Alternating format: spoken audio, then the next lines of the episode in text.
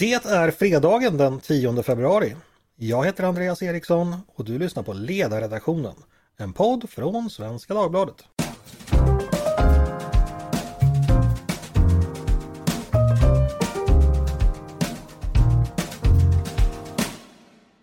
Varmt välkomna! Idag kan vi äntligen räkna oxveckorna som avslutade. I alla fall om vi bor i vissa delar av landet. För exempelvis i Göteborg, Sjuhärad och i Skaraborg börjar idag sportlovet. Vilket ju enligt gammal folkhemsk tradition innebär att just oxveckorna tar slut. Vi stockholmare får i och för sig vänta i två veckor till men så som ingift på Slätta ser jag mig både föranleden och godkänd att börja fira redan idag. Och nu börjar det för övrigt bli firartider lite varstans. Redan nästa vecka har vi ju alla hjärtans dag, följt av fastlagen och karnevalen veckan därpå. Sen rullar vårens fester bara på såväl i helgonkalendern som i mässbokningarna. Det är snart dags att köpa biljetter till den allsvenska premiären, boka sjösättningen och plocka fram grill och utemöbler. Se där hur jag avslöjar hela min medelklasstillvaro i dessa enkla exempel. Men vad har jag annars att avslöja? Jag är den jag är och det gäller också mina kollegor på redaktionen. De är det de är och idag är det är de Peter Wennblad, Mattias Svensson och Maria Ludvigsson. Hej på er! Hej! Det var vårfriskt och kort. Ja, ja, det var kort och så. Jag sparar in till en riktigt lång drapa här om, om ett tag runt den 28 februari. Eh, så då, så, ja, man, man får ju spara till dess liksom. Du jobbar på den redan nu? Precis, mm. Eh, och vad den handlar om får ni fundera på då. Eh, Peter, hur, hur mår du? Jag mår bra. Det, mm. det är fredag. Ja, och det har blåst bra på Gotland. Det har det gjort. Nu har det lugnat ner sig. Nu är det bara sol och inte blåst. Mm. Var det förändringens vindar som blåste? Eller? Nej, det tror jag inte. Nej, inte, inte på Gotland. Inte, inte på Gotland. Inte. Nej. Eh, Mattias, hur är det med dig? Jo då, det är bra. Jag eh, försöker klura på, kan det ha 28 vara med anledning av en eh, avliden statsminister? Det vet jag ingenting om. Men du, istället för att prata om det ska vi prata om dig. Eh, förra veckan eh, så pratade vi om dig som radiokändis. Den här veckan har du gått och blivit tv-kändis, inte sant? Eh, ja, någonting sånt tror jag. Jag har inte sett det själv. Det, är bakom det verkar ju som en fråga i, i, i den här TV, tv-frågesporten som Filip och Fredrik har som heter Alla mot alla. Då var du en, en fråga där helt enkelt. Det var en bild på dig och med en rubbe som skrivit så här. Fel att blunda för legaliseringen. Varpå då, eh, jag vet, inte om ni har sett det här programmet, men då, då kommer då eh, Fredriks röst och säger då en rolig kommentar till det här. Och den här gången sa han också fel att kopiera Per Mobergs köksvettiga sidohårsvall. eh, och det, här går vi på utseendet Mattias. Sårad? Ja, alltså i min ålder får man ju vara glad att det finns en frisyr att kritisera.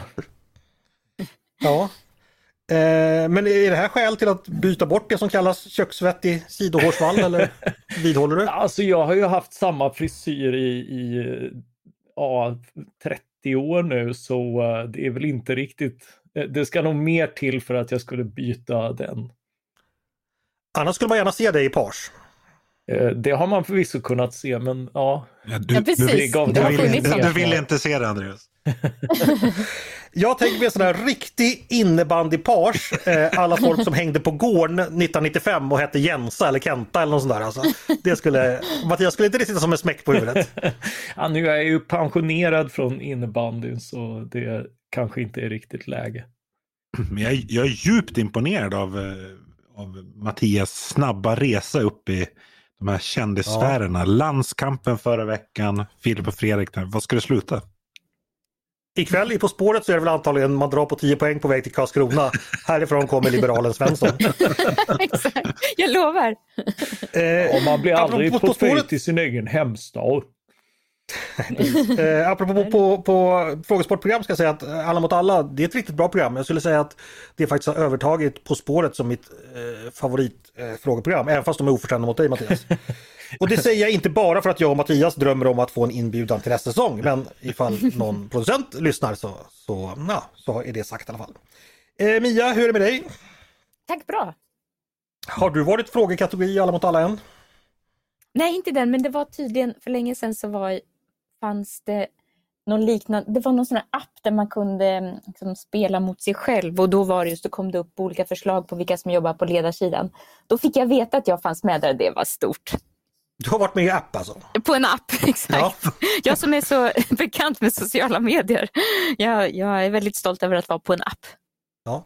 Du har ju för sig också en Wikipedia-sida vilket vi slog fast förra veckan och ja. det är inte alla som har. Så att, Nej, ja, du är jag, på gång det, jag upptäckte den för ett par veckor sedan blev eh, lite rörd. Det är lite fint rörd. för en tjej, en, en vanlig tjej från Malmköping. Det är det finaste man kan få. Var det mycket prat om Wikipedia, egna Wikipedia-sidan när du växte upp i Malmköping? Det fanns inte då. Ready to pop the question? The jewelers at BlueNile.com have got sparkle down to a science with beautiful lab-grown diamonds worthy of your most brilliant moments. Their lab-grown diamonds are independently graded and guaranteed identical to natural diamonds, and they're ready to ship to your door. Go to Bluenile.com and use promo code LISTEN to get $50 off your purchase of $500 or more. That's code LISTEN at Bluenile.com for $50 off. Bluenile.com code LISTEN. Vi ska dra igång med veckans ämnen. Tyder de, de är som alltid talrika och vidsträckta. Eh, och veckans kanske, eller ett av de större samtalsämnena eh, under den här veckan, det har varit situationerna eller situationen inom Socialdemokraterna i Botkyrka. Och då ska jag bara ta eh, kort bakgrund. Eh, jag tror de flesta har läst om detta men så att alla har koll. Eh, KSU i kommunen, eh, Socialdemokraten Ebba Östlin. För några veckor sedan avsattes hon som gruppledare på ett medlemsmöte. Eh, och hon har, har därefter uppmanats att avgå också som KSO, eh, vilket föreningens styrelse uppmanat henne till eh, efter ett möte så sent som igår kväll, men tydligen sitter hon fortfarande kvar. Det har i flera medier kommit fram uppgifter om att här, den här medlemsomröstningen inom Socialdemokraterna var en kupp där personer med kopplingar till gängkriminalitet ska ha medverkat. Bland annat dök det upp ganska många nya medlemmar. Eh, på mötet deltog 23 stycken nya. Det motsvarar ungefär 13 procent av alla som deltog och Östlin avsattes med röstsiffrorna 91 mot 88. Ganska knappt alltså. Detta har också spridit sig vidare i partiet för såväl partiledningen med partisekreteraren i spetsen och partidistriktet i Stockholm eh, ska ha varit informerade om hur situationen höll på att utvecklas i Botkyrka. Och bakgrunden till det här är då att man har stängt några av ABF fritidsgårdar eh, på grund av att de hade gängkopplingar. Eh, jag tror jag stannar beskrivningen ungefär där för det är väl så långt som, som så att säga, vi vet att situationen ser ut. Eh, det har kommit många andra uppgifter också. Eh, men det här ger förstås massa anledning att fundera. Eh, jag tänkte börja med dig Peter. Ja, nu gav jag lite bakgrund, men vad, vad, får du ut av den här historien? Hur, hur, hur tänker du? Ja, den innehåller väldigt många dimensioner kan jag konstatera efter att ha följt lite noggrannare under veckan och läst den här rapporten som kommunen beställde. Precis den här rapporten som kommunen, Botkyrka kommun då beställde efter att de hade fått uppgifter om att det var oegentligheter på, på de här eh, fritidsgårdarna. Eh, och sen har det ju varit ett, liksom efter, ett konfliktfyllt efterspel eh, kring det mellan då kommunledningen och Ebba Östlin och den lokala ABF-föreningen tror jag väl att det heter. Och som då kulminerade med, med den här men ja, vad, vad, ska man... Jag vet inte riktigt var man ska börja någonstans men eh, jag tycker att eh, oavsett så här, gängkriminella eller inte, det, det, det, råder liksom ingen tvivel om när man läser den här rapporten att det har varit varit liksom rejäla oegentligheter på de här fritidsgårdarna. Du nämnde gängkriminella, jag skulle säga, jag håller på att säga att det är inte det allvarliga sammanhanget. Alltså det har det, det som står i rapporten det handlar liksom om systematiskt fusk och om liksom dokument som har begärts in av kommunen och som tycks ha liksom upprättats i efterhand. Och, och det ja, men, otrygg miljö, gängmedlemmar som har, som har hängt på fritidsgårdarna, knarkhandel. Alltså det hade varit tjänstefel att inte stänga de här eh, fritidsgårdarna. Okej, okay, så där har eh, partiet, alltså, eller Östlind haft ett, ett rätt case, ett bra case helt enkelt? Eller oh ja, alltså det, det hade varit tjänstefel att inte stänga de här fritidsgårdarna. Så att, okay. Jag tycker liksom redan, där, och... redan där blir det förvånande att liksom den här stängningen har, har orsakat så många upprörda känslor. För vad, vad skulle hon ha gjort? Liksom? Mm. Har du koll på det här då som har kommit sen med misstroendet? Har det sin grund i stängningen att det är helt enkelt en grupp som är missnöjd med den och därför vill ha bort henne? Eh, vet vi att så är, så är fallet? Det, det är en aspekt. Um, Okej, okay. men det finns också andra? Ja, alltså som det alltid gör i, i partier, att det finns synpunkter på ledarskap och, och annat. Men mm. det råder ju inget tvivel om att den här konflikten har fått en grupp inom Socialdemokraterna att mobilisera. Liksom. Finns det något graverande kring själva den processen? För nu tänker jag också på att partiledningen har varit informerade. Är det någonting du tycker man borde ha reagerat mot? Alltså finns det någon rykande pistol här? Ja, alltså jag tycker det som har varit graverande under veckan är ju att så sent för, som för en vecka sedan så satt partisekreteraren Tobias Baudin i Sveriges Radio och lät som att det här var fullständigt nya uppgifter för honom. Han sa att han, när han tog del av de här medieuppgifterna så höll han på att trilla av stolen. Men det som Expressen mm. har grävt fram sen under veckan är ju att partiledningen eh, blev informerad om de här misstänkta gängkopplingarna och vad som kunde vara på väg att hända eh, redan i november. Eh, så att han har det här... på att trilla ett tag. Ja, exakt. Han har krällat runt ett tag. En hög stol. Eh, precis, för, för då, då är det Expressen har väl pratat om med biträdande partisekreteraren eh, som heter, heter eh, Nils Wikmång då, som har säger att eh, eh, ja precis det här har varit, det, det har funnits insyn från, från partiledningen. Ja det är graverande, där är alltså då partisekreterare Badin ute och ja, inte Ja men också inte minst mot bakgrund då att här, man kan ju se det som att Ebba Östlin i Botkyrka liksom tog sin partiledare på, på orden, nämligen att vända på varje sten eh, mot, för att knäcka gängen. Eh, och att även och när liksom hon larmade partiledningen i november, att den inte liksom reagerade starkare än att ja, såg till att medlemsomröstningen liksom gick till på rätt sätt ungefär. Det, det, det är rätt förvånande faktiskt. Så det, det, men det finns många frågor. Det, det, det, det finns många frågetecken kvar att räta ut. Det råder inget tvivel om. Nämn de största då? Eller vad, tycker, vad, vad är du mest nyfiken på? Ja, men det, alltså det, är, det är ju fortfarande inte klarlagt. Alltså så här, vilka är de här personerna eh, som påstås ha gängkriminella kopplingar som var på, på medlemsmötet? Och vilken roll hade mm. de? Det har ju fortfarande inte kunnat redas ut. Och Socialdemokraterna vill ju inte lämna ut röstlängderna från det här eh, mötet heller. Och medierna har inte lyckats liksom få fram vilka som egentligen var där. Men det tror jag det är bara en tidsfråga. Ja det måste ju läcka för det måste ju finnas i interna protokoll och eftersom det är stridande falanger. Så ja, precis. Väl, ja, det, det, det, kan vi nog räkna med. Okej, men då förstår jag lite bättre tror jag. Eh, fortsätter till Mia när du hör Peter berätta, jag vet inte om, om du har tittat lika djupt som Peter i det här fallet, men, men vad, jag, vad, vad tänker du? Är det nog få som har gjort. Jag tänkte precis det, du ställde precis de frågorna som jag ville ställa till Peter. Eh, vad, vad, är det man helst vill veta? Vad är det som är mest graverande? Eh, och det man undrar är just varför, varför, man inte har stoppat det om man har vetat det tidigare.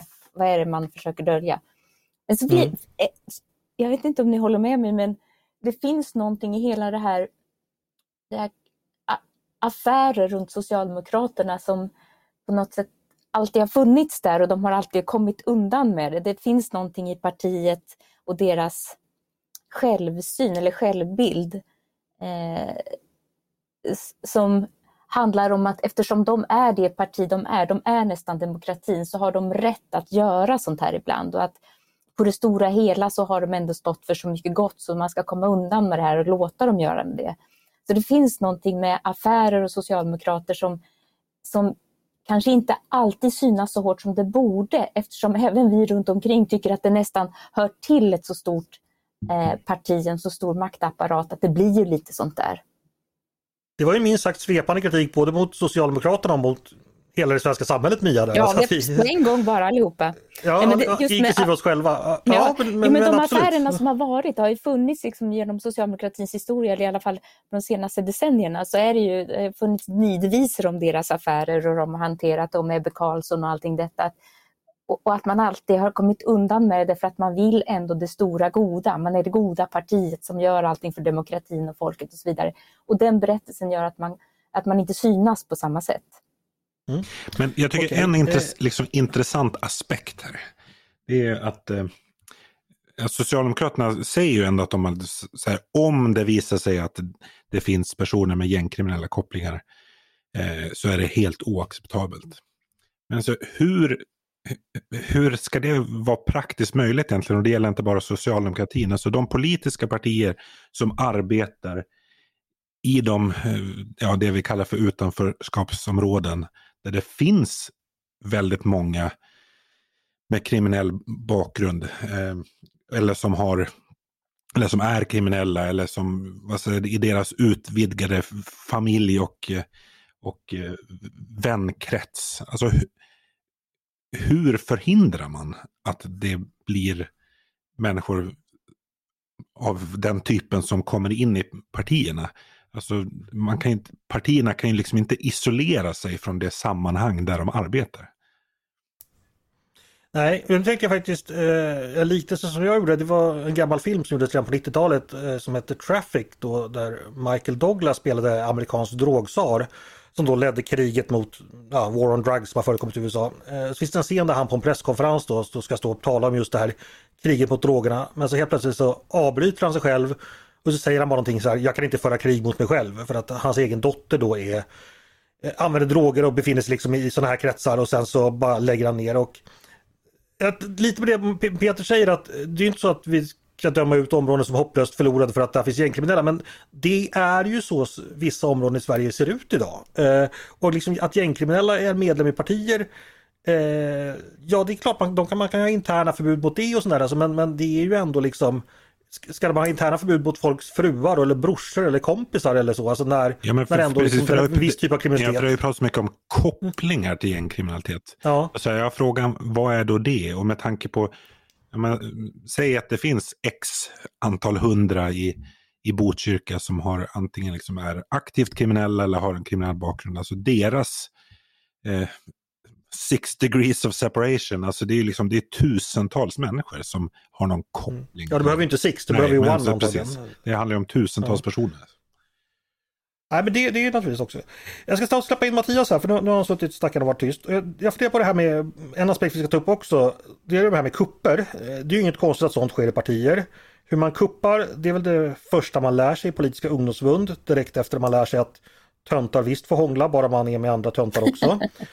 Eh, så den här kuppen i sig Mattias, alltså jag menar det är väl någonting som inte är så konstigt eh, egentligen att sånt kan ske ibland. Eh, eller vad, vad, vad, kan vi säga någonting om det? Eh, nej, det är, väl, det är väl lite konstigt ändå att en, en partiförening, eh, därför att folkvalda är just folkvalda, de väljs av folket, de nomineras av partierna men väljs av folket. Eh, mm. så, så vad som finns här rent formellt är ju en upp uppmaning från eh, partiföreningen. Ja, så, så, den distinktionen finns ju. Det finns ju fortfarande ett, ett mandat eh, för kommunstyrelsens ordförande att, att, att sitta kvar om, om hon vill. Sen finns det en överenskommelse att respektera partiets partistyrelsens då, eh, önskemål här, eller den här partiföreningen. Eh, men det här, det här ingår ju som sagt i, jag menar politik är, är, är att få ihop majoriteter eh, och, och, det ser ut på alla möjliga sätt. Det, där i finns inte egentligen några konstigheter. Eh, och, och, och, precis som Peter säger, det kan vara allt möjligt. Det som är märkligt är ju oviljan att, eh, att gå till grunden med, med de rätt allvarliga indicier som som funnits här på kopplingar till gängkriminalitet. Och det är inte så att man kan förbjuda eller hindra eller screena människor från att söka sig in i ett parti. Men när man har gjort det så går det förstås, och är ju lämpligt i vissa fall, att, eh, att inleda uteslutningsärenden. Jag menar, det här är ju Sverigedemokraternas eviga problem med, med kopplingar till rasism och annat, att de kan inte hindra människor från att bli medlemmar, men beroende på hur man agerar i partiet och i partiets namn så, så kan och bör man kunna uteslutas. Och, och det märkliga här är ju att att socialdemokrati högre upp har, har aktivt valt att titta bort från något av de största mm. problemen. Och sen och, och, det här har ju också liksom med, vill man vända på det med var man är aktiv och sådär, alltså de flesta människor också i utsatta områden är ju inte, det, det har ju eh, eh den här eh, Timbro-antologin som kom om, om förorterna i Göteborg till exempel, de är ju ännu mer för hårda tag och emot gängkriminaliteten för de lever liksom med den det borde ju finnas en väldigt, en väldigt stark eh, engagerad eh, medlemskår där som vill liksom vara ännu hårdare. Så jag tror inte alls det måste vara ett problem att verka i de här områdena. Men då gäller det ju att inte vara naiv och inte liksom avstå från att, att, att ta tag i sådana här problem innan de växer och blir större. För det kommer de att bli annars. Mm. Men det är intressant det här du säger med att eh, jämförelse med Sverigedemokraterna för Tobias Bodin verkar ha gjort lite än Jimmy Åkesson. För Jimmy Åkesson vet ju aldrig vad som sker i sitt parti. Han, vet ju knappt att det finns ett parti som heter Sverigedemokraterna ibland. Liksom. Han är ju så ja, det är bara enskilda Nej, men det är lite samma... ja, men exakt. jag vet inte. Nej men precis, så att man kan gå i kurs. Tobias du får gå i kurs hos Jimmy ifall det här fortsätter. Jaha, eh, men okej. Eh, Peter, vad, vad, ser vi framåt? Medierna har du fått upp spår. Eh, vi kan tänka oss att det kan eh, läcka från missnöjda falanger. Fortsätter historien tror du? Eh, ja, det tror jag att den gör, men det är väl lite beroende på... Alltså, det är en, sannolikt en tidsfråga innan medierna kommer över vilka som har varit på det här mötet och liksom och eh, kan kolla upp vilka de är och vilken bakgrund de har. Och sen beroende på vad det visar så kan väl historien ta lite olika riktningar. Eh, vi ska prata lite mer generellt då för att eh, vi har ju ibland diskussion om att eh, gängkriminella eller nu säger jag gängkriminella, jag definierar inte exakt, ni förstår vad jag menar, men, men att eh, infiltration och påverkan på det offentliga. Politiska partier har ju ett visst inflytande över offentliga organ. Eh, att det är via politiken man eh, kommer in och påverkar att det helt enkelt kan handla om att, ja det har ju talats om att vi vill inte ha politiker som står i tack, tacksamhetsskuld till, till eh, diverse kriminella nätverk och så vidare. Hur illa är det där tror du Peter? Hur, hur, hur långt har vi nått där? På? Ja, bra, väldigt bra fråga. Alltså de rapporter och, och studier som har, har gjorts är ju rätt illavarslande. Men som som jag har förstått är väl kunskapsläget ganska svagt fortfarande. Mm. Vi hade ju en podd om det förra veckan eh, där vi just pratade om detta och eh, då, då, då kom mina gäster fram att forskning finns det inte så mycket av. Det, det finns här eh, mer eller mindre larmrapporter från diverse myndigheter och inklusive kommuner där man liksom har där saken har problemen har blivit för stora på ett enskilt område men det är ingen som riktigt än systematiskt har gått igenom detta. Nej. Men det är ju jäkligt kusligt, eller vad säger du Mia? Ja, alltså, jag precis och tänkte på, finns det ingen... Är man inte förberedd för sånt? Det är som en, nästan som en del av civilförsvaret att, att man kan skydda ett lands institutioner också mot... Det behöver ju inte vara angrepp utifrån, det kan ju vara inifrån också. Liksom finns det ingen, inga rutiner för det, inga säkerhetskontroller. Det, vi brukar kalla oss lite, det var någon som sa, vi är lite naiva, vi kanske inte har varit med om så mycket elände förut i Sverige så att vi, vi är helt enkelt inte beredda på när det händer hemskheter som annars bara han, han, händer i utlandet när det även kommer till Sverige. Mm. Fast det är klart det finns folk som har som jobb att stoppa sådär. Det finns ju både inom polisen och säkerhetspolisen kan jag tänka mig.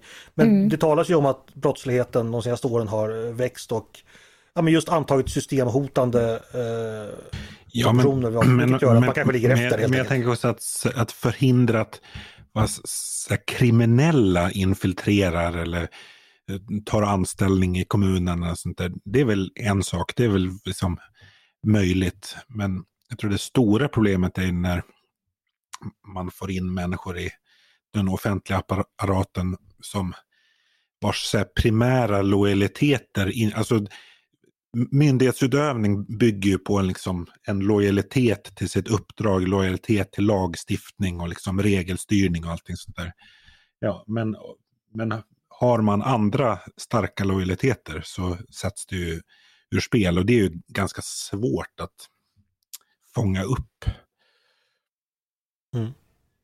Mattias, hur orolig är du över det här om vi tar liksom den större frågan om den organiserade brottslighetens påverkan på politik och förvaltning? Det, det, finns tyvärr väldigt många områden där, eh, där det här är alarmerande. Alltså rapporten i Göteborg, var det förra eller förrförra året, som, som avslöjade en, en väldigt utbredd eh, delaktighet i, i det, det, den kommunala maktutövningen på olika sätt.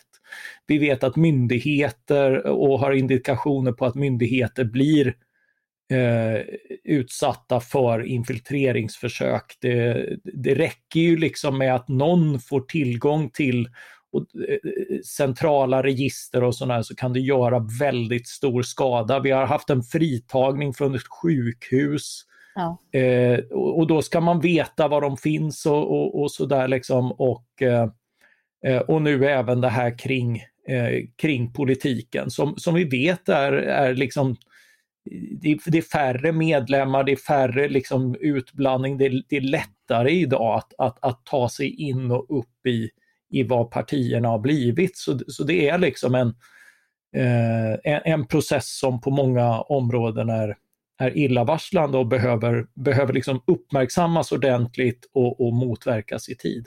Starka ord från en stark man. Eh, vi ska gå vidare. Eh, och då är det dags för koranbränning igen. För tredje veckan i rad minsann. Där har det ju skett ytterligare saker och det som har skett i veckan var att kulturföreningen Appalarkerna tror jag de heter. En grupp som är motsätter sig svenskt NATO-medlemskap hade sökt tillstånd om att arrangera en allmän sammankomst igår, torsdag, utanför Turkiets ambassad. Då man skulle bränna upp en koran. Eh, syftet var då att ytterligare reta upp Turkiet och därmed försvåra Sveriges NATO-process. Ansökan kom till Stockholmspolisen den 1 februari och den 8 februari, alltså dagen innan sammankomsten skulle äga rum, sa Stockholmspolisen nej. Eh, orsaken var att terrorhotet mot Sverige ansågs så högt bland annat på grund av tidigare koranbränningar och att den allmänna ordningen och säkerheten till följd av sammankomsten inte kunde garanteras. Och det är viktigt att påpeka att det här gällde inte ordning och säkerhet på platserna i samband med sammankomsten utan ordningen och säkerheten i och för landet som helhet. Och därför kunde det inte heller ges några offentliga eller alternativa platser. Eh, koranbränning är alltså enligt Stockholmspolisen inte möjligt, i alla fall inte i, i Stockholm. Peter, var det rätt beslut tycker du? Det beror på vilket perspektiv man antar. Jag är inte jurist så jag kan liksom inte eh, bedöma polisens tolkning av lagstiftningen. Eh, men jag har... Eh, jag upprörs inte över att... Jag, jag tycker att det är i viss utsträckning rimligt att ta hänsyn till situationen när man bedömer det. Mm. Ja, vi kan ju knappast avgöra frågan juridiskt här nu tror jag, för det, det tror jag i, i, i, ja, Sveriges främsta jurister kanske inte... Jag, jag, kan säga att det har ju sagt att det står på stat, statlig grund men det har inte prövats av domstol det här så det kan vi inte säga så mycket om. Men, men alltså, ska vi ta det så här, du, du, förstår beslutet kan man säga, eller du tycker det slutet, beslutet är acceptabelt? Eller hur, ja. hur, hur ska man... Ja, jag tycker det.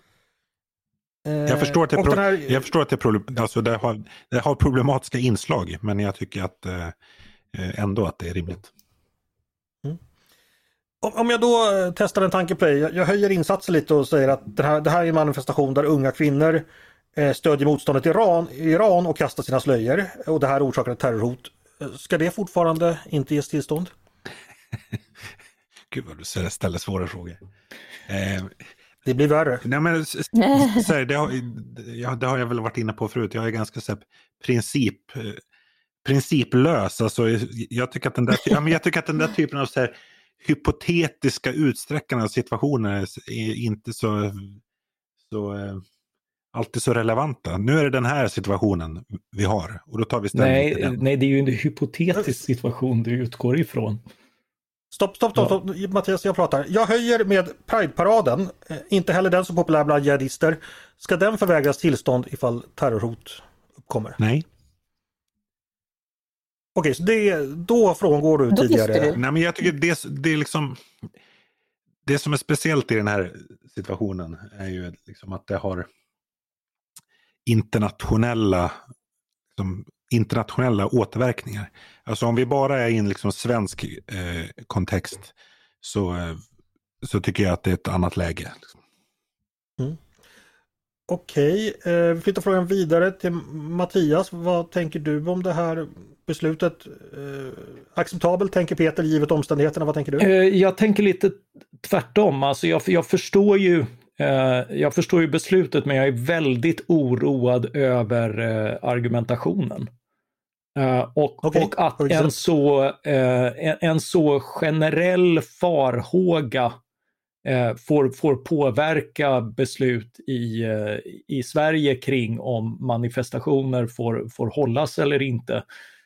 Där, därför att vi ska ju ha klart, alltså Säpo har för det första, de har noterat en ökad kommunikation, ökade eh, hot. En del är kopplat till koranbränning men det är, det är fortfarande mycket spekulationer, det är ju svårt att veta. Det är ju också liksom det här med eh, socialtjänsten och, och lögnerna kring hur de agerar och sådär.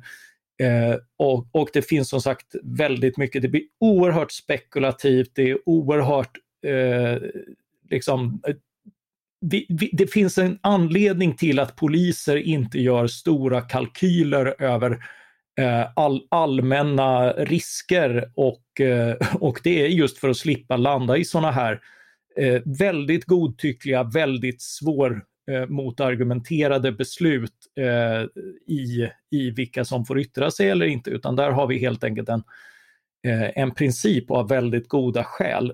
Det är inte ens så att Säpo har, har liksom uppgraderat riskvärderingen utan den är densamma, den har vi levt med länge och den kommer liksom för överskådlig framtid, liksom vi levt med den i alla fall 15 år, eh, finnas och vara en, en faktor. Så, så blir det liksom utslagsgivande så, så är det ett väldigt olyckligt prejudikat och, och det är jag bekymrad över. Men Mattias, du säger, nu säger du att det här är, det är väldigt diffust och svårbestämbart. Det är ju ändå så att polisen i Stockholm har ju samrått med Säpo. Jag ska säga också, jag har försökt begära ut det material som eventuellt har ifall det finns mötesprotokoll eller, eller handlingar som har övergivit, eh, lämnats över. Jag, jag har inte fått något svar på det än men kanske vet jag mer nästa vecka. Men, men det verkar ju ändå som det finns ett väldigt konkret hot. Vi vet också att exempelvis amerikanska myndigheter har varnat eh, sina landsmän från att befinna sig i stora folksamlingar i Sverige. Så att, att hotet finns där är väldigt tydligt. Jo, jo. Kan man se det här men, som någon sorts riskminimerande, en ganska billig försäkring mot något det, som skulle kunna det, vara det, det låter ju alltid så. Eh, om, om vi bara ändrar oss lite grann, om vi makar oss lite grann och det här är eh, alltså, och, och, det skulle ju kunna visas på väldigt många sätt om den här manifestationen fick hållas. Att det här är det här är någonting som väldigt få stödjer, som de flesta är emot, som, eh, som liksom inte har något brett uttryck, särskilt inte i en situation där, där Turkiet har drabbats av en nationell tragedi som Sverige i detta nu är del av att, att försöka assistera med jordbävningsoffer och liknande. Eh, att, att i det läget hålla på och, och liksom eh, jävlas med dem, det har verkligen inte stöd. Men nu, nu får vi inte veta det, nu får vi inte se vad som, vad som utspelar sig och vilka sympatier därför att, därför att liksom man, man har valt att lägga locket på och inte ens pröva. Det blir ett myndighetsbeslut istället. Så det är också liksom en sån här eh, Alltså det, det, det, skapar minst lika stora problem att, att sätta ett sånt här prejudikat eh, och, och, det är jag mm. väldigt bekymrad över. Mm. Jag ska säga då att eh, jag hörde också av mig till förvaltningsrätten i Stockholm eh, och den som hjälpte mig då där kunde inte finna någon överklagan så att vi har då inte fått någon domstolsprövning av det här. Eh, man kan då läsa vår egen juridiska expert på tidning, i tidningen professor Mårten Schultz som skrivit om det här och han bedömer det då som juridiskt skakigt. Eh, så att vi, alltså, och jag såg också någon annan kommentar att det är egentligen inte så här det är tänkt att vara utan den ordning och säkerhet det handlar om det är just på platsen, inte något generellt. Jag ska släppa in Peter igen. Du hör ju Mattias, han blir väldigt oroad. Han säger att det här är godtyckligt, att det här hindra specifika manifestationer. Han tycker inte alls om det. Vad, vad, vill du bemöta det? På ja, men jag, jag, skulle ju invända mot att det är godtyckligt, för det är det inte. Alltså, polisen har ju ett liksom, juridiskt resonemang, precis som du säger. Man har liksom, haft en dialog med Säkerhetspolisen. Även om liksom, hotbilden mot Sverige inte har höjts enligt den här lite kryckiga skalan så råder det inget tvivel om att vad säger, den generella internationella hotbilden mot Sverige har kanske aldrig varit större. Det har ju liksom flera myndigheter rapporterat om, både Säpo och Myndigheten för psykologiskt försvar och sånt där. Så att godtycke handlar det inte om. Och när det gäller oron, jag, jag, jag, jag blir nog orolig om det visar sig att när det här läget, akuta läget har lugnat ner sig, säg om tre månader, och den här föreningen då ansöker om att få bränna Koranen och polisen fortfarande säger nej. Då har de liksom mm. satt ett, ett prejudikat som innebär att eh, man inte längre får tillstånd i samma läge som man tidigare fick det. Då tycker jag att det blir mm. bekymmersamt. Lite is i magen uppmanar du till. Släpp in Mia här. Var, var, landar du i den här avvägningen? Vem har rätt, Mattias eller Peter? Ja, precis. Nu ska jag fälla den avgörande rösten. Eh, jag det är ju Peters jobb. Alltid, ja. Nej, men som alltid när vi diskuterar på redaktionen, vi diskuterar olika principer, olika värderingar. Var står vi någonstans när det väl, när det inte är så lätt längre? Eh, så, så eh, yttrandefriheten är ju någonting som antingen har man det eller har man det inte. Det kan inte vara gradvis. Det är, liksom, det är en princip och ett värde som är högre än mycket annat. Eh, och det prov, prövas ju då i sådana här stunder. Och det är just eh, i, när det är svårt och bestämma om vad som är rätt och fel, det är då man har sina principer. De är lätta att drämma i huvudet i, när det är vackert väder och frid och fred. Men det är just när det blir svårt att svara på frågan som de är som viktigast att hålla fast vid. Så Eh, jag landar nog, eller jag är på eh, ungefär på den linjen som Mattias är att Eh, därför att det du gör också Andreas, du, du börjar gradera där. Ja, men om, om det vore då någon som ville eh, bränna sin slöja eller om det är ja, kanske demonstrationståg för aborträtt och så vidare. Då börjar vi tycka då kanske det är en annan sak och där går gränsen och då har man redan avslöjat sig som att ja, viss, alltså, den, är, den är inte absolut utan den är relativ. Då blir det en rättighet som har med att göra vad du tycker och vad du står för och då är det inte längre Fast, eh, fast, här, fast, här, måste jag invända, för det är inte så att ja. vare sig yttrandefrihet eller demonstrationsfrihet är ovillkorlig. Alltså det som polisen gör här genom sin lagtolkning att liksom sätta upp ytterligare ett villkor. Men alltså det, det är yttrandefrihet och demonstrationsfrihet är ju inte säga, digital på, på det sättet. Men, men det, det gäller ju också responsen på vad som sägs och det tycker jag är, eh, försvinner i och det är därför vi inte låter polisen göra de här resonemangen därför att det kan de inte. Eh, det finns för många steg och är för mycket hypoteser och gissningar kring detta. Alltså, vi vet från både de här tidigare karikatyrstriderna och annat att det är liksom ingen rak linje mellan, mellan någon slags stimuli och sen kommer våldsverkare eh, per automatik. Eh, vi vet att Muhammed-karikatyrerna, det tog ett långt tag och krävde lögner och andra saker som spelade in innan det gick att piska upp stämningar och de hade också inrikespolitiska och andra anledningar. Eh, det, det finns helt enkelt, eh, alltså dels kan man inte veta och, och, och, spekulera i liksom, vad kommer det här att få för respons? Kan vi anpassa oss? Och för det andra är hela den frågeställningen, den är inte bara farlig liksom för att vi undrar som mobboffret, liksom, hur ska vi anpassa oss? Hur ska vi undvika att andra liksom blir arga och, och blir våldsamma mot oss? Eh, och, och, det andra är liksom att, att det här är alltid en, en kaotisk process som man inte Finns det konkreta hot mot det konkreta eh, tillfället, det är polisens jobb. Det är de kompetenta att bedöma, men, men att hålla på med allmänna, allmänna gissningar eh, och, och, och eh, inte tillåta konkreta yttringar på, på, grund av det.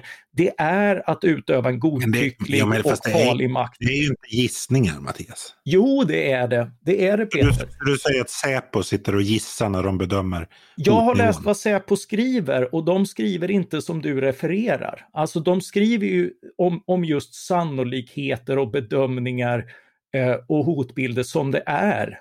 Eh, och, och, och jag menar, det är klart det finns indikationer, men vi måste ju också, jag menar om vi tittar på de faktiska terrordåd som har hänt, som västvärlden har upplevt, som vi har varit igenom en mängd också i Sverige. Vad har varit budskapet då? Har det varit liksom få panik och vik ner er så kanske det inte händer igen?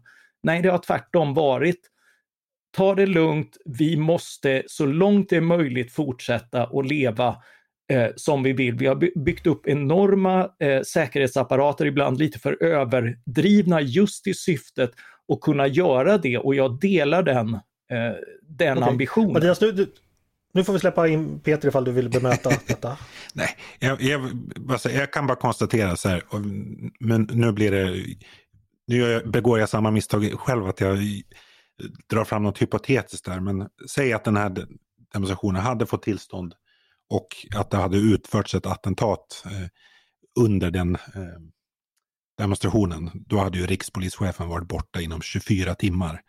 Eh, det hade ju betraktats som, ja men det hade ju betraktats, ja men det förstår du Mattias. Alltså det hade ju betraktats Nej, som full, inte. Full, det hade ju betraktats som fullständigt, alltså i det läget hade det betraktats som o, fullständigt ansvarslöst att bevilja det, ett, det ett ansvarslösa i så fall är väl att inte lyckas hindra ett, ett konkret terrordåd där ja, man vet att det finns en hotbild. Men, men nu jag, har man inte en sån jag ser, fram, jag ser fram emot Mattias att du, om det, den vänta, dagen vänta, det eventuellt inträffar att du anför den linjen på ledarsidan. Ska du skylla mig för terrordåd du? Det, det är Nej, ju den bakvända logiken som Nej, är liksom jag sa, jag ser, vidare jag mina frågor. Jag ser fram. Nu går jag, och jag är ordförande.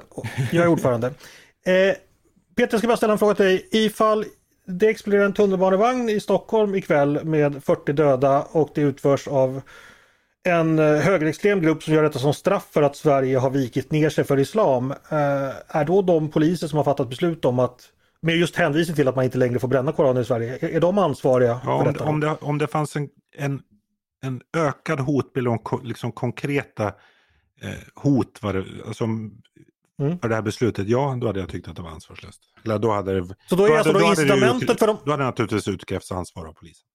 Ja, så, så incitamentet för de här högerextrema grupperna, vilket vi vet finns, för det finns, har begåtts högerextrema, det är helt enkelt att se till att öka hotbilden så mycket som möjligt. För då får ni er vilja fram. Mm. Alltså i ett, vid, ett enskilt, alltså vid ett enskilt tillfälle. Det handlar ju inte om att permanent inskränka nej, nej. Eh, vare sig yttrandefrihet eller Det brukar heta så. Ja, visst. Principiellt, men inte just den här gången. Hörrni, jag tyckte det här var en jätteintressant diskussion och eh, jag tycker och även ni som lyssnar det här, det här är ju en eh, viktig diskussion tycker jag som är väldigt intresserad av yttrandefrihetsfrågor men jag tror nog att det, det, man prövar principer i skarpt läge. Eh, många av oss har funderat över liksom forna tillfällen när yttrandefriheten har förändrats i Sverige, exempelvis under andra världskriget. Och, och så man, nu, ja, lyssna på vad Peter, Mattias och, och, Mia säger och fundera och hör jättegärna av er eh, med vad ni tycker och hur ni resonerar eller om ni tycker att vi missar någonting här. För att här är det uppenbart att Peter och Mattias tycker mycket olika och vi kommer nog inte lösa det. Vi har förstås pratat om det här internt och då var det Hårdare, hårdare ord kan jag säga. Ännu hårdare ord. ja, precis. Men vi ska gå vidare. Eh, det blir inget av den här gången. Ja, det är förlåt, Just Mia, inför helgens eh, middagar och middagsdiskussioner så är det här typiskt en sån här fråga som är, som är principiell. Eh, ja, men varför inte? Och, precis, och det är det som är av godo, den prövas i de här stunderna därför att då visar man att det som vi i fredstid och i goda tider kan säga hålla högt, det, det är just det som behöver skyddas därför att det inte är lätt att försvara det. Så nu måste vi så, öva på det under då, de här middagskonversationerna. Alla ni som ska på middag eller drink ikvällen, på, i helgen, släng ut det här och finner stå ensamma i ett hörn för alla andra gick och ville prata Men jag har varit där. det är ganska skönt. Nej. Eh, nej precis, det är så eh, demokrati ska ju praktiseras så varför inte diskutera och hör som sagt jättegärna av er om detta. Eh, vi ska gå vidare och då blir det lite mer eh, Turkiet faktiskt för där eh, det var ju så att Eh, eh, den jordbävning som drabbade landet och Syrien i måndags ledde till omfattande förödelse. Det var ju sedan flera efterskalv också. Och senast såg jag att det var minst 23 000 döda. Det kommer säkert växa ytterligare. Eh, det här är då den värsta jordbävningen i Syrien på, på, på 200 år och eh, det verkar ju som att den kommer bli i dödsoffer räknat större än den som skedde eh, 1999 som vi säkert minns i, i Turkiet. Eh, hjälp strömmar ju förstås till från, från, från hela världen eh, för att inte lidandet efter katastrofen ska bli, bli än större. Eh, jag tänkte gå till dig Mattias. Eh, det, det, det, här med just med hjälpen och katastrofhjälp, det har fått dig att skriva en text eh, om varför det är så viktigt att hjälpa till just nu. Eh, berätta. Eh, ja, det är ju Alltså, det, det, är ju ett kompakt mörker på många sätt när den här typen av katastrofer drabbar ett land. Det är fruktansvärda bilder och, eh, och liksom upplevelser. Det går knappt att föreställa sig den, den fasa man känner när, när verkligen bokstavligen hela tillvaron rasar ihop. Eh, och, eh, och knappt går att bygga, bygga upp igen. Naturens krafter på det här området, liksom vid översvämningar, tsunamis och liknande, så, Eh, så, så är det liksom av, av en magnitud som, som, som ja, väcker, tror jag, alla människors deltagande. Eh, och det är lite grann det, eh, jag ville ändå hitta någonting konstruktivt att, att skriva om det här, för, för känslan är ju gemensam. Eh, men vad, vi kan, vad jag kunde konstatera då när jag tittat på eh, katastrofhjälp och, och, som vi också såg i det här ögonblicket, det är att det ändå det enar oss någonstans kring, kring liksom livet som värde och, och, och det som verkligen är viktigt att, att, att rädda vad som räddas kan. Eh, hjälp kommer från alla håll, den kommer, eh, kommer från, från eh, Sverige och väst men den kommer också från Putin, den kommer från Xi Jinping. Därför att den här typen av, eh, av, av död och elände är någonting som tenderar att ena människor. när man tittar tittat på när, när jag såg liksom ett antal akademiska studier kring, kring just katastrofhjälp så tenderar den faktiskt att det finns sådana här effekter att om de uppmärksammas i medierna så, så kommer det mer och sådär. Men, men förvånansvärt lite av geopolitiska hänsyn och annat eh, präglar utan det är ofta katastrofens eh, art, eh, alltså hur, hur allvarlig den är, om, om mottagarlandet är fattigt eller inte. Eh, och och det, det ger ändå någon slags, eh, liksom, någon slags hopp i, i, i, i den mörka, mörka stunden. Mm. Eh, vi brukar ju vara ganska skeptiska till bistånd i den här podden eftersom det tenderar att göra situationen faktiskt värre och dessutom gynna korruption och antidemokratiska makthavare krafter. Men katastrofbistånd har man ju lärt sig att det är en annan sak. Eh, stämmer det Mattias? Eh, är det så att katastrofbistånd verkligen funkar? Ja, eh, jag kastade ut frågan om det och, och, och det, det, är ju sånt man inte ska göra därför att i sociala medier så säger konvenansen numera att frågar gör man bara för att vara dryg och ställa retoriska frågor. Och då var det folk som, som, ja, som tolkade det, det som så. Nej, men jag, jag ställer ju frågor där jag faktiskt vill veta och för att jag noterat att jag själv har sagt det här ofta. Men, eh, men, men svaret jag fick är att vi vet inte riktigt, det här är någonting som vi gör i alla fall bara för att det är rätt.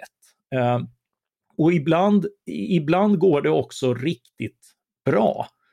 Eh, när man har byggt upp sådana här samhällen igen med, med ganska stora biståndsinsatser eh, över lång tid eh, så har det inte sällan blivit eh, inte bara ungefär som förut utan på vissa sätt bättre. Det är klart, människoliv kan aldrig ersättas men, eh, men efter tsunamin till exempel i, i norra Indonesien i, i regionen som heter som stavas Aceh, men jag vet inte riktigt hur den uttalas. Aceh-provinsen ja. brukar vara samma, väl, samma på den eh, tiden. Där, där blev det faktiskt fred mellan lokala eh, muslimska rebeller och, och centralregeringen efter eh, tsunamin drog in och, och man lyckades bygga upp eh, husen bättre med liksom en bättre infrastruktur och eh, inomhustoalett och liknande. Affärerna blev för många bättre Eh, Eh, att kriget tog slut innebar att en helt annan rörelsefrihet, inte minst för unga män som tidigare hade liksom tvångsrekryterats om, om de fan, be, eh, blev, blev tagna av antingen regeringstrupper eller rebeller. Eh, och, eh, och, och, att de kan flytta omkring och jobba istället ökar både utbudet mellan byar och, eh, och, och, arbetskraften och liknande. Det är inte bara solsken för en av kompromisserna är att eh, de här muslimska eh, rebellerna fick införa sharia-lagar, så det är inte trevligt eh, och bo där. You win some, you lose some. Eh, ja, eh. jo det, det är ju sådär, men, men, men liksom att ha fred istället för, eh, för ständiga okay. krig och, och liksom eh, no, någon form av, av hopp i verksamheten fast man varit igenom något så hemskt är ändå liksom på det hela taget positivt. Okej, okay, så goda exempel på katastrof bestånd finns i alla fall då, så det ja, kan man ju alltid och, hoppas på. Och sen finns det dåliga också. Jag menar, det flockades hjälporganisationer på Haiti 2010, men, men allt försvann kan man väl sammanfatta det som i, i, i korruption och laglöshet och, och, eh, och sånt där. Inte, inte för att folk får panik och sånt där, det får de inte i kris, krissituationer, utan, eh, utan för att det förfuskas sen när man försöker bygga upp. Så det hänger ju väldigt mycket på, alltså Turkiet har ju en lite bättre situation. Det är auktoritärt men ändå någon slags styr, styrsel på styret. Medan, medan Syrien, det är hårt krigs och katastrofdrabbade Syrien där, där människor levt på flykt redan undan, undan kriget och nu sitter i en, i en svår vinter och dessutom en jordbävning. Det är klart att den, den situationen är betydligt mer tröstlös. Mm, så är det. Peter? Ja? Är du fortfarande arg på Mattias? Nej, jag, är, jag var inte arg innan heller. Jag... Nej, jag vill bara kolla, för nu hör du hur god han är när han pratar ja. om katastrof. Nej, jag bara skojade. Eh, en liten boll här jag tänkte också plocka upp. Det var en sak som du Mia sa till mig. Eh, du hade en sak du tänkte på angående hur medierna rapporterar eller hur, hur vi tar till oss den här jordbävningen. Vad var det för någonting? Mm. Jag vet, det är kanske några, några som känner igen det. Det har ju på flera håll tag, så har man använt den här gräsligt drabbande bilden av en pappa som sitter och håller i sin 15-åriga döda flickas hand. Eh, hennes hand sticker ut där ur rasmassorna och det är en sån fruktansvärd bild. Och en gång, den kom för några dagar sedan första gången och sen kan, har den använts på flera håll. Senast om det var igår kväll eller kvällen innan på nyhetssändningen på SVT så använder man samma bild och det är någonting i det som jag har väldigt svårt för. Det blir att använda, alltså han sitter där, han är fotograferad, han vet inte att bilden av honom i hans sorg kablas ut över världen både på löpsedlar och, eh, och tv-sändningar. Det är någonting i det som jag tycker är ganska obehagligt. Jag kan inte riktigt sätta fingret på vad det är eller vad man, som vi alltid säger, vad ska man göra åt det då? Men det är ett tecken på någonting som är lite kallt.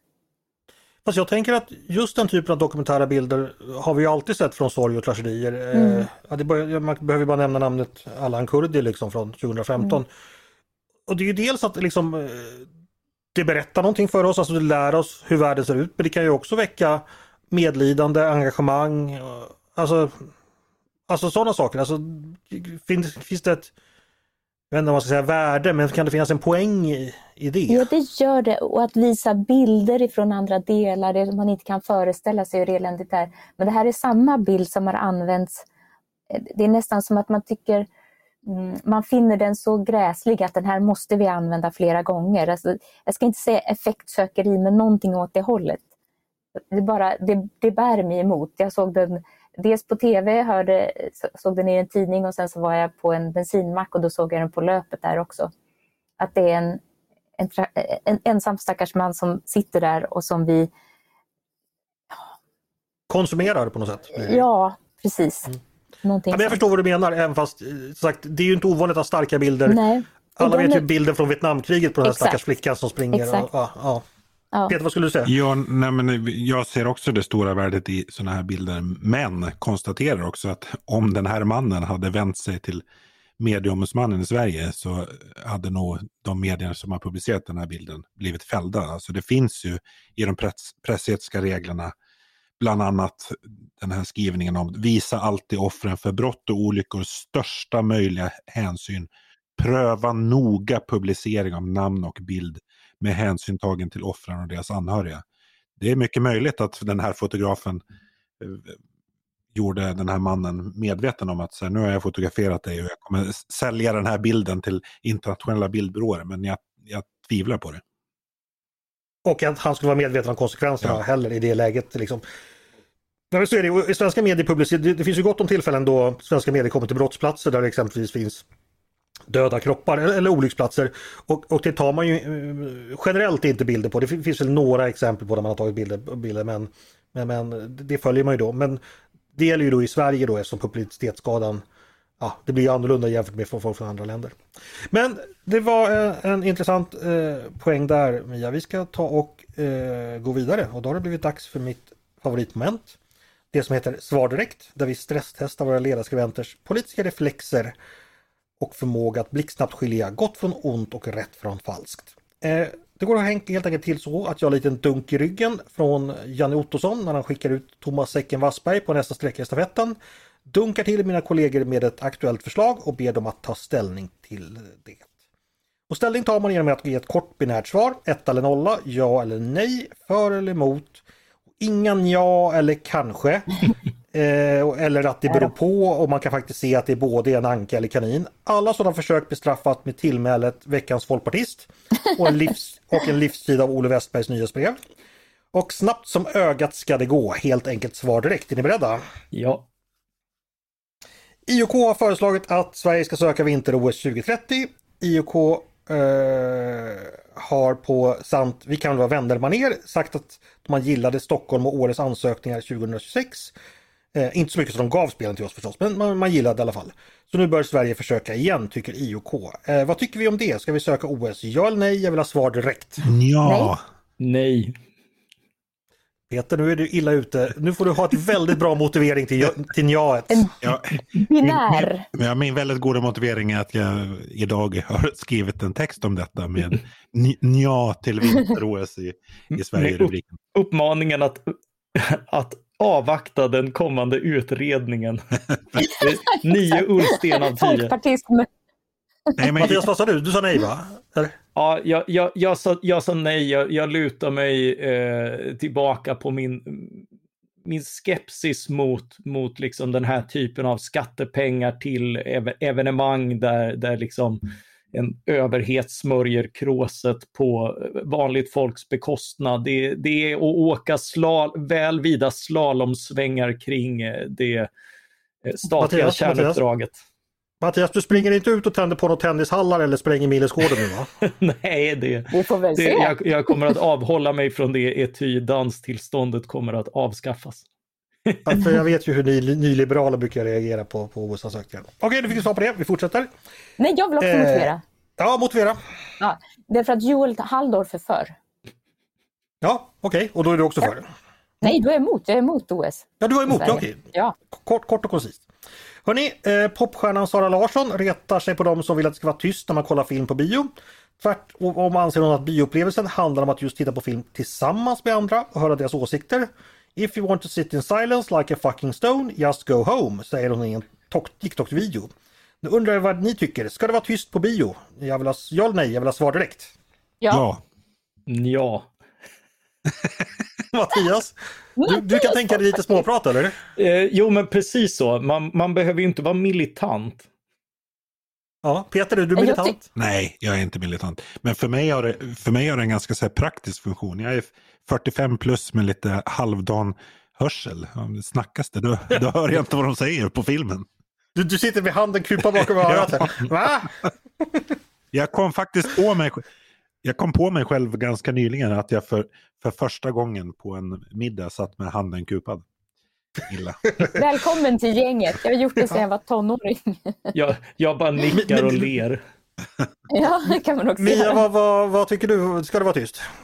Eh, ja, jag tycker Ja. att eh, till Sara Larsson kan jag säga att vill du prata like a fucking ja, something Stone. så kan, Ja. du, så kan du gå hem. Okej. tar vi nästa. Eh, BRIS hijab-reklam skrämmer bort barn. Det skriver Fav Assad, Assad eh, på Expressens debattsida. Eh, bakgrunden är en kampanj från BRIS, Barnens rätt i samhället alltså, som pryds av en bild föreställande en hos BRIS anställd kurator iklädd hijab. Eh, på bilden står det Du kan höra av dig när som helst om vad som helst. Eh, Assad menar då att det är fel att marknadsföra organisationen på det sättet och hon skriver så här. Att normalisera en mycket problematisk symbol med paralleller till hederskultur är inget annat än okunnigt och djupt beklagligt. Och hon skriver också att hon själv varit offer för hederskultur och hon hade inte vågat ta kontakt med BRIS ifall hon hade sett eh, den här annonsen. Vad tycker vi om detta? Gör BRIS fel som marknadsför sig på detta sätt? Jag vill ha svar direkt. Nej. Nej. Mm. Okej, jag kan säga att jag då. Ja, då får du börja Mia. Du Jo, håller alltså med och det är Fav- inte Fav ty- Assad. Vad, vad, vad tänker du? Det ska ju alltid vara principiellt, men i detta fall. Ja. Eh, jag tänker på vilka, vilka är det man vänder sig till, de från BRIS. Det är liksom inte de som ska ha kontakt med medelklassbarnen som inte har några bekymmer utan det här är ja, till... Säg inte det, jag tror att det finns i alla socialgrupper. Ja, men jag menar. Alltså, det man ja. försöker göra är, jag har en känsla av att det man försöker signalera är att vi, har, vi är en arbetsplats där vi har alla grupper företrädda snarare än att man eh, vänder sig till barn. Alltså det är okay. viktigare för dem att visa sin mångfald bland sina anställda än att, än att eh, få så många utsatta barn som möjligt att ringa till sig. Men kan det inte finnas någon poäng i att även för barn visa mångfald, att här finns någon som jag du? Och som du måste... Många barn vet att det finns mångfald mycket mer än de vuxna gör. Okej. Okay. Eh, Peter, varför har Mia fel? Ja, jag har inga synpunkter hur enskilda organisationer använder sin yttrandefrihet. Nej. Bara de inte söker tillstånd utanför turkiska ambassaden så är du nöjd. Eh, Mattias, vill du lägga till någonting? Eh, jo, men jag, jag, förstår ju och har den största respekt för kritiken och jag tycker att det är viktigt. Alltså det här är ett exempel på yttrandefrihet därför att båda har rätt. Eh, det, det, det, måste finnas en, en pluralitet av, av människor att vända sig till och, och, och det är viktigt att signalera det Frågan är hur man gör det och där är ju juryn ute. Eh, Eh, är, är det liksom en plikt, ibland är det ju så här pliktskydd, vi tar någon som ser exotisk ut så att, eh, mm. och, och, då sätter man, eh, då väljer man någon med slöja därför att det ser ännu mer exotiskt ut. Och så vill man signalera där. Så får det absolut inte vara, men, men däremot att liksom vare sig du har slöja eller vantrivs i din slöja så ska du kunna ringa en barnrättsorganisation och de ska vara på din sida. Det behöver man kunna kommunicera. Eh, jag, jag, hoppas att man hamnar rätt här och organisationen bör, bör pröva det, men jag tycker att man definitivt ska, ska ha liksom, avsändare som både har och inte har slöja snarare än, än att liksom, ja, lägga sig till med, med restriktioner. Mm. Hörni, eh, tack för dessa snabba svar direkt. Vi ska gå vidare till dagens sista moment. Det har blivit dags för mitt favoritmoment. Det vi kallar Är du smartare än en ledarskribent? Ni känner till det här vid det här laget, men för nytillkomna lyssnare kan jag kort förklara vad det går ut på. Eh, tänk På spåret, men tänk bort Göteborg. Eh, tänk Alla mot alla, men tänk bort Per Mobergs kökssvettiga sidosvall. Det handlar alltså om frågesport. Jag testar ledarsidans skribenter på några onödigt komplicerade triviafrågor som högst eventuellt kan sägas anknyta till dagens diskussion. Eh, ni som lyssnar kan också vara med och är det så att ni svarar snabbare och framförallt rättare på mina frågor än vad Peter, Mia och Mattias gör, då är ni helt enkelt smartare än just dessa ledarskribenter och kan kanske vinna tillbaka de där människorna på middagen som försvann när ni ville börja prata yttrandefrihet med att eh, ge dem några frågor och så kan ni skryta också om att ni är eh, smartare än ledarskribent och då kanske folk går eh, igen för andra gången. Har vi någon, har vi någon, ni, har vi någon duo-app? Andreas? Nej, vi har inte haft det. själva kan vara med och tävla. Nej, kan inte Jesper fixa det? Ja, vi, Jesper du fixar det. Leverera måndag klockan 09 mm. så kan vi ta det. Nej, vi får se. Men är ni redo? Reglerna kan ni. Man svarar genom att säga sitt namn. Vill man chansa innan jag läst färdigt så får man det, men då slutar jag läsa om man riskerar minuspoäng. Man får bara svara ett, en gång per fråga. Vinnaren får en veckas evig ära. Eh, Mattias är regerande mästare. Han vann så det sjöng om det förra veckan. Eh, ska vi dra igång? Mm. Ja. Vi pratade tidigare om Botkyrka. Eh, vad heter det helgon som ska ha levt tusen, slutet på 1000-talet som kommunen är döpt efter? Mattias. Mattias? Botvid. Mm, Botvid. Alltså var det, var det, det med Mattias? Alltså han är så... Ja. Han är... Ja.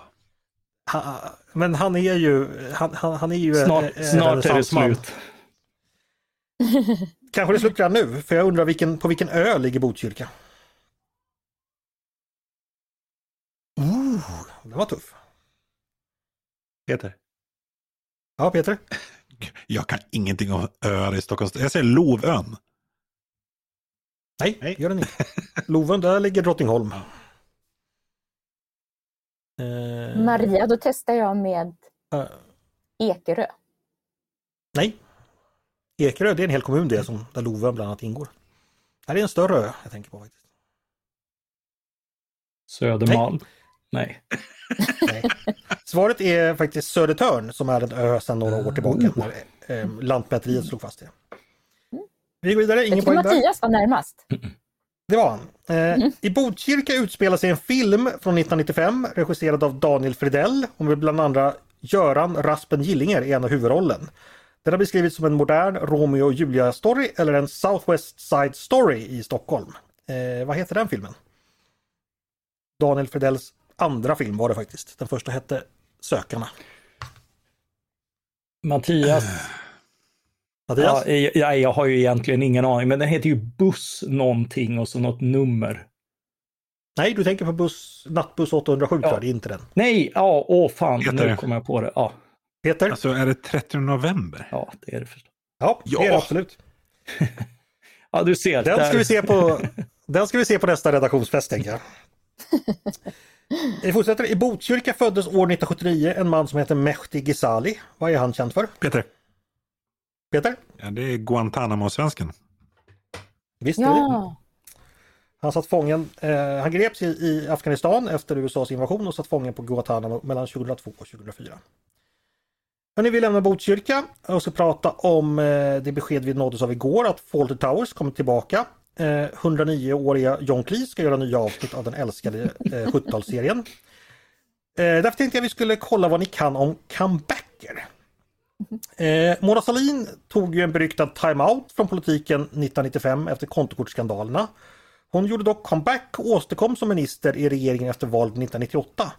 Men vad var hon minister för då? Mattias? När hon Maria. alltså åt... Ja, Maria? Eh, var, hon var på superdepartementet och skulle syssla med företagsamhet. Ja, hon var biträdande näringsminister på, på det nya. Superdepartementet. Precis, superdepartementet. Näringsministern själv eh, då som var hennes chef, han hette Björn Rosengren. Eh, han blev ju också mycket uppmärksammad för sina uttalanden om att Norge var den sista Sovjetstaten när Telia och Telenor skulle gå ihop. Den nyheten kom i början av 1999. Under sommaren det året läckte ett namnförslag ut i pressen eh, på vad det nya företaget skulle heta.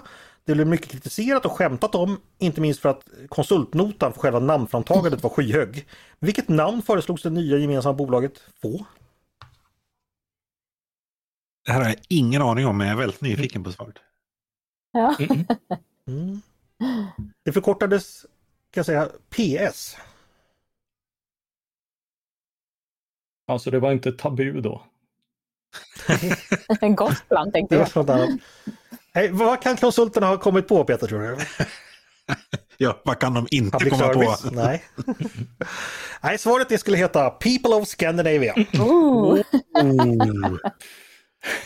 Hörni, vi fortsätter med namn eller tillmälen den här gången. Eh, Vi ska prata om slang. Eh, Strax innan fusionen havererade gjorde den tilltänkta VDn för då People of Scandinavia, som då tror jag man hade övergått till namnet Telaris istället. Eh, Tormod Hermansson, han gjorde en smärre skandal genom att attackera en norsk journalist. Han gjorde det samtidigt som han utropade vad, på, kan, vad som på svenska kan översättas med Nu ska du få dig en smäll. Men vad är det norska ordet för smäll som Hermansson använde? Som då blev känt i samband med den historien. Mia, du har bott i? Norge. Jag vet, men vi, vi pratar inte så mycket om smällar och sånt. Nu ska du ha dig en... Ma Mattias, jag måste ju chansa på poff. Nej, inte poff. Nu ska du ha dig en... Minns ni den här episoden att han skulle nita en Nej. journalist? Nej. Nej. Kanske hade lärt sig av Sverigedemokraternas journalist i rugby. Nu ska du ha dig en juling! sa han. Juling är det, just det. Oh. Eh, så var det. Eh, just det, comebacker var vi inne på. Nu söker jag namnet på en tv-serie som gjorde comeback 2017. Upphovsmannen bakom lanserade just den här comebacken på Twitter med den här meningen. That's gum you, that gum you like is going to come back in style. Vilken tv-serie tänker jag på? That gum you like is going to come back in style. Svåra frågor idag, Andreas. Mattias, No. jag Mattias, fråga? chansar på Dallas. Det var väl en comeback för några år sedan. Det var den, men de hade inte alls så sofistikerade personer bakom. som JR hängde inte på Twitter. Nej. JR. Nej, svaret är... eh, ingen som vill chansa? Eh, svaret är Twin Peaks. och Det var David Oh. Lynch. Ja. Mm. Ja. Eh, då är det en ny comeback här, en eh, skiv-comeback. Den här plattan kallades den största comebacken sedan Jesus när den kom. Eh, den är är av ett Manchesterband, eh, sex år efter den bejublade debuten. Skivan hette just Second Coming och innehöll låtar som Love Spreads och Ten Story Love Song och kom 1995. Vilket är bandet? Peter. Peter? Stone Roses. Visst är det så. Äntligen! Eh, äntligen Stone Roses. Eh, tre poäng till Peter, ett poäng till övriga. Det finns en dikt som heter just The Second Coming, skriven av en irländsk Alltså, poet. en, En dikt av en irländsk poet som heter just The Second Coming. Eh, skriven 1919 som handlar om apokalypsen, eh, skriven med första världskriget och spanska sjukan som fond. Vad heter upphovsmannen till den här dikten, The Second Coming? Peter. Peter? Keats. Hur stavar du det? Ja, E K-E-A-T-S. K-I-T-C. Nej, det är det inte. Nej. Men om jag hade stavat på något annat sätt då hade jag fått rätt, eller vadå? Nej, det, du har ett kort, märkt- jag kan tänka mig att det uttalet förekommer nämligen. För den vi söker är, eller någon som vill chansa? Är det Yeats? Mm. Ja, det är så han heter. Rätt, det är alltså William Butler Yates som han heter då. Men eh, Mattias, du, du fick poäng där. Ni kanske har hört den, den här The Center Cannot Hold och så vidare. Och sen, Ja, eh, det har refererats eh, ett antal gånger, inte minst på ledarplats. Precis. Eh, ja, Yates heter han, eller uttalas det i alla fall. Eh, comeback, nu söker jag en basketspelare som spelade i Chicago Bulls fram till 1993. Sen slutade han och började spela baseball. Vi gjorde en bejublad comeback i samma klubb. Peter? Michael Jordan. Absolut, Michael Jordan. Hörrni, vi, vi Den skippar enda comebacken. basketspelaren jag kan. Ja, eh, vi skippar comebackerna nu och går in på OS istället. Då tänker jag förstås på, på OS-bombaren, Mattias gamla kompis från Frihetsfronten. Eh, när han greps på Millesgården på Lidingö 1997 var det i samband med att han skulle placera ut en bomb vid den Millesstaty som var symbol för Stockholms OS-ansökan. Vad heter den här Mattias. statyn? Ja, Mattias? det är ju människan och Pegasus. Visst är det så. Eh, han förresten, OS-bombaren, min mamma hade honom i skolan i Källingen och sa att det var en, en trevlig pojke. Ja, han blev ju också dömd för eh, att ha bränt ner Lidingö tennishall. Eh, dock inte för andra dåd som hade skett i anslutning till det. Brände han inte Hörrni, mer- bilar också? Nej, bilar? han, han, han dömdes för, för eh, tennishallen och eh, för, för, för försök till allmän, Försök allmän, vad är det, allmän farlig ödeläggelse tror jag heter. Mm. Hörrni, vilken olympier svarade så här på frågan hur han kunde hålla sina nerver i styr under tävlingarna? En egenföretagare som lever under Strängs och Palmes skattesystem tål allt. Mattias, Mattias? jag måste ju chansa på Ragnar Skanåker. Självklart är det Ragnar Skanåker. Åh, vad jag gillar honom! Eh, Kommer du ihåg när jag intervjuade honom för Neo? Ja, Just Han var, han var, han var väldigt... han var väldigt väldigt, trigger-happy även i replikerna. Ja, det var han verkligen. Han berättade ju om det, sin, sin politiska bakgrund. Han har suttit i fritidsnämnden för Folkpartiet. Men så sa han också att men du vet, här ute på landsbygden spelar det ingen roll vilket parti man sitter i för. Hörrni, fortsätter med OS. 1972 drabbades de olympiska spelen i München av ett terrordåd riktat mot den israeliska truppen utfört av den palestinska gruppen Svarta September. I efterspelet genomförde Israel en operation riktad mot de som låg bakom dådet. Vad kallas den operationen som bland annat skildras i Steven Spielbergs film Munich från 2005? Alltså kodnamnet på den här vedergällningsoperationen. Har ni sett filmen? Ja. Mm. Då nämns det ganska ofta där. Det var Israels premiärminister Golda Meir som gav order om detta alldeles efteråt. Nej, tyvärr. Alltså. Ingen? Nej, jag ska inte försöka uttala den på hebreiska men på svenska heter den eh, Guds vrede. Ja, just det. Då är det så spännande att det är 4-4 mellan Mattias och Peter och vi måste Hur många ha har jag då? Du har bara ett poäng med. Eh, så vi måste ha en utslagsfråga här. Är ni redo? Är det något nytt om Stone Roses nu? du hoppas det va? Eh, med hur många procent minskade det- detaljhandeln när det gäller mat och dryck? Minskade omsättningen eh, i fasta priser i december 2022 jämfört med samma månad 2021? Närmast vinner. 11 procent. Mattias? Pandemi. Eh, sju. Mattias är närmast för svaret är Nej. 4,7 procent. Grattis Mattias! Hur känns det? Tack! Oh, det känns, eh, känns fantastiskt. Hade det bara varit en enda fråga till om Stone Roses så hade Ja, ju Peter tagit är just det. Hörni, det var allt jag hade för idag. Eh, tack för att ni kom och, och eh, var med och svarade på mina frågor och lekte mina fåniga lekar. Ja, tack själv. Det var ett nöje. Det är vi som ska tacka. Det är vi som ska tacka och vi ska framförallt tacka er som har lyssnat på Ledarredaktionen, en podd från Svenska Dagbladet. Ni är varmt välkomna att höra av er till redaktionen med tankar och synpunkter på det vi precis har diskuterat. Eller om ni har idéer och förslag på det vi ska ta upp i framtiden. Då är det bara att mejla till ledarsidan snabel svd.se. Dagens producent, han heter som vanligt Jesper Sandström. Jag heter som vanligt Andreas Eriksson och jag hoppas som vanligt att vi hörs snart igen.